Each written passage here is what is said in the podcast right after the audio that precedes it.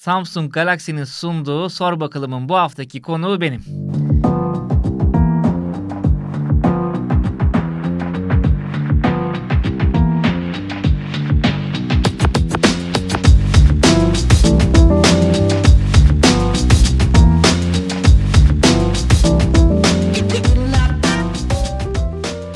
Evet hiç vakit kaybetmeden o zaman sorularımıza bakalım. Vigilantist sormuş. Hakikaten yetenek. Yolda görsem Ersoy ne haber abi derim o derece. Teşekkür ederim sağ ol. Yolda bunlarla çok karşılaşıyorum ben de hakikaten. Arabayla giderken bir anda camın camını açıp bağıran şoförler veya yolda yürürken koşanlar, gelenler sağ olsunlar. Bu çok güzel bir şey. Çok mutlu ediyor beni. Bu kadar ilgi görmesi. O yüzden çok teşekkür ediyorum. Hani Vigilantis nezdinde diğer karşılaştığım herkese yolda. Reddediyorum dan devam ediyorum. Sokrates'te ekonomiyi konu olan bir programa başlamış olan Gibi'nin Ersoy'u. Ne alakalan diye sordum kendime ve kısa bir araştırma ile Bilkent İktisat mezunu olduğunu gördüm. Oyunculuğa da sonradan başlamış.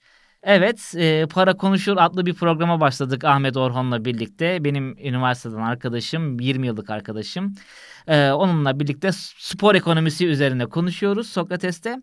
Evet, Bilkent mezunuyum. Daha sonra Müjdat Gezen Sanat Merkezi'nde konservatuar eğitimi aldım. Daha sonra İstanbul'a geldim. Ankara'daydım o zamanlar ve oyunculuk hayatım başladı. Koşturmayla, mücadeleyle başladı. Daha sonra da şu anda da gibi oldu. Orada devam ediyorum. İnşallah daha da güzel bir kariyerim olur. Şuraya Sokrates'teki video kestimizin adını da yazayım. Çok da yazamadım gibi oldu. Yazım kötü demek ki. Bunu bir kez daha anlamış olduk. Para konuşur. Hapşuruktan tayyare. Çok güzel bir nick. Halter ego esprisini ilk patlatan olduğu halde kimse gülmemiş. Kendisine ayıp edilmiştir. Teşekkür ederim Hapşuruk'tan Tayyare.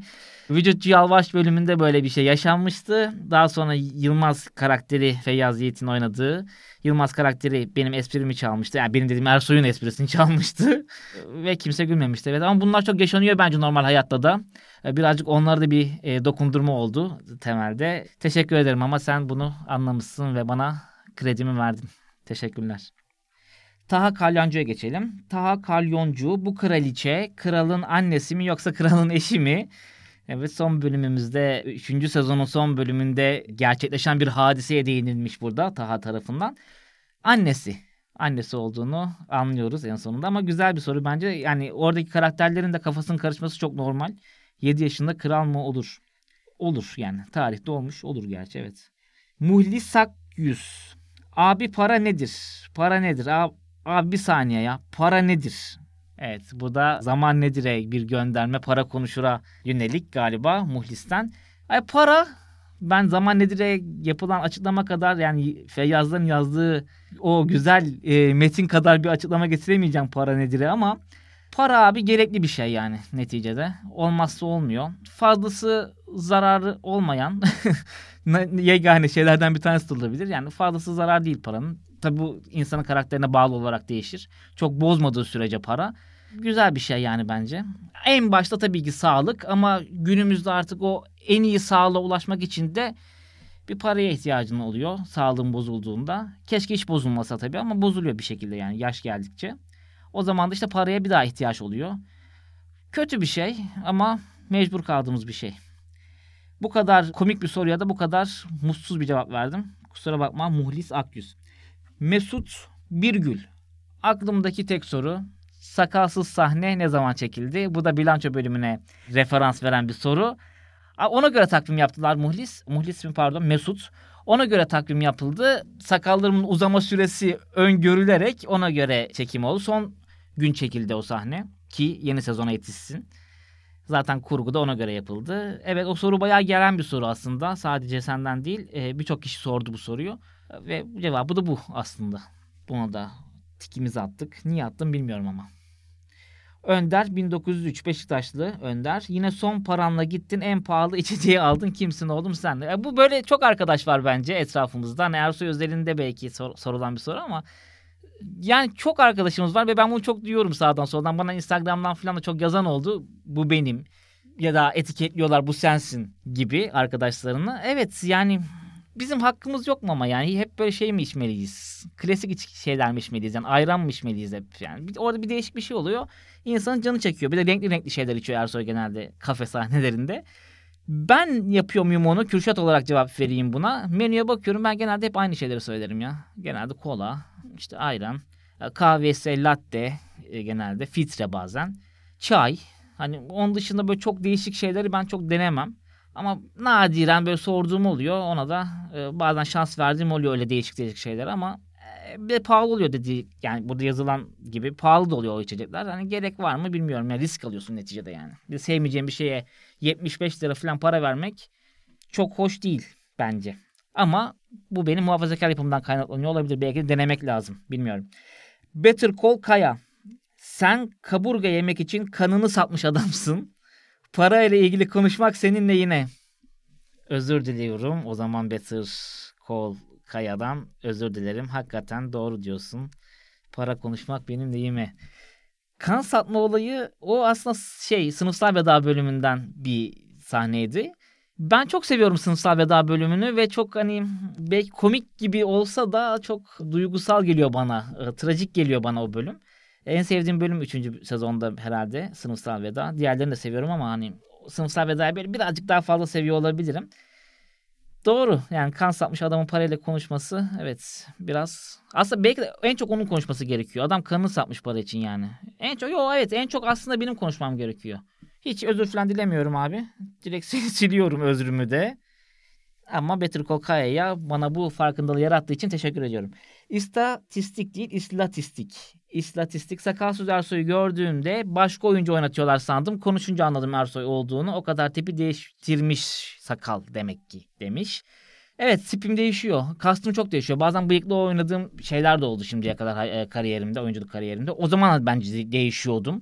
Hatta bir gün bıyık bırakmıştım. Tüp reklamına çağırmışlardı beni. Tüpçü reklamına çağırmışlardı. Hani hiç tüpçü reklamına çağrılmıyordum o zamana kadar. Bir gün bıyık bıraktım ve tüpçü reklamına çağrıldım. Olmadı.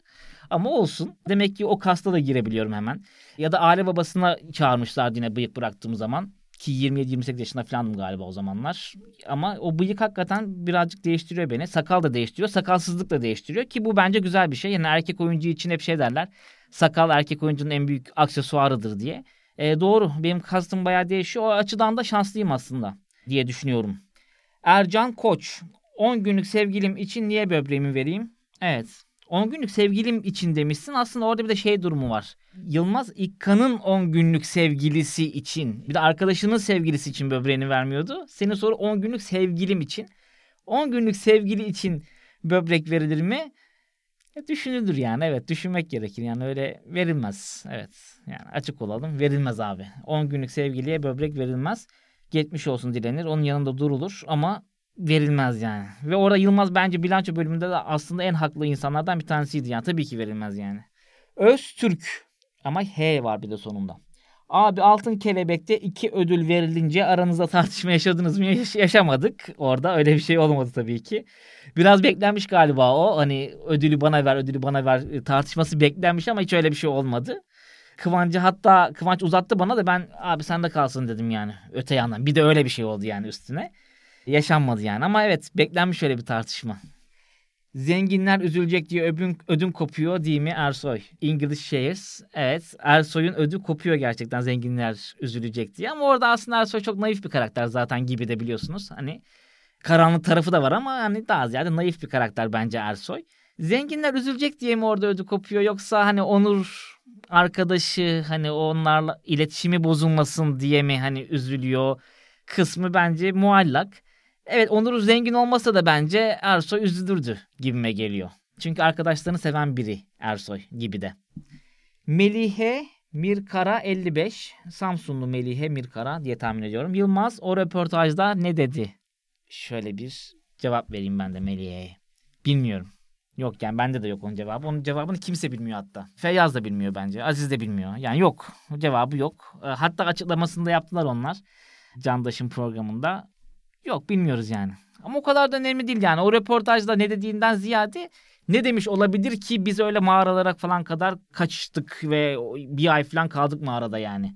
Ne demiş olabilir hani. Daha ziyade yine aynı yere çıktık da ne demiş olabilir deyince ama işte Yani orada konsantre olmamız gereken konu ne söylenirse söylensin bir ay gidip de öyle kaçılmaz. Belki buna konsantre olmamız lazım. Bilmiyorum ben de çünkü. Görkay, Görkay değil. G-O-R-K-Y-C-M. Görkay Cem belki. What is your favorite color? Evet bu da Erasmus'ta gelen Yam Yam'ın o bölümden daha doğrusu Ersoy'un Yam Yam'a sorduğu soruydu. What is your favorite color? Yam Yam da yellow diyordu. Ama benim favorite color'ım yani favori rengim e, yeşil. Yeşili severim ben. E, laciverti severim bir de. Yeşil ve lacivert renklerini severim. İkisi. Efesus Penguen. Sakalsız Ersoy resmen Reha Muhtar olmuş. Evet. Her nerede yaşıyor ve yaşatılıyorsam. Efesus Penguen. Evet. Bunu hiç duymamıştım Reha Muhtar'ı. Ama benziyor muyuz bilmiyorum. Bak güzel güzel bir tespit olmuş. Reha Muhtar da bizim çocukluğumuzun böyle hakikaten önemli kahramanlarından, önemli figürlerinden bir tanesi. İlk Anchorman'lerden. Anchorman kelimesini ben aslında Reha Muhtar'la duymuş olabilirim hatta. E, bizim küçüklüğümüzde e, önemli bir yeri var Reha Muhtar'ın e, ve hep o öyle kapatırdı programı. İyi akşamlar Türkiye, her nerede yaşa- yaşıyor ve yaşatılıyorsan diyerek Reha Muhtar'a da selam söylemiş olalım buradan. Tanışmıyoruz ama selam söyleyeyim ben. The Amazing Turkish Man. Çok iddialı bir nick. The Amazing Turkish Man. Ersoy çıkıp ebleh ebleh dolaşınca sinirim bozuluyor resmen. Evet biraz eble eble dolaşıyor doğru. Sinirler bozuluyorsa da yapacak bir şey yok. Karakterin yapısı o diyeyim. The Amazing Turkish Man ama hakikaten Amazing bir Turkish Man'in de çok sinirini bozabilecek bir yürüyüş. Ersoy'un yürüyüşü. Yani ben de Amazing Turkish Man olsam herhalde Ersoy'un eble eble dolaşmasına sinirim bozulurdu. Çok doğru. Amazing Turkish Man çünkü yani. Mehmet Öney. Bir gün önce babaannesi yenen hiç kimse ertesi gün video kes çektiği için kafası dağılmaz. Bu bir. İkincisi bizler sorunlarımızdan video kes çekerek kaçan insanlar da değiliz. Çok doğru. Ne kadar doğru bir yorum bu ya. Evet bence de öyle.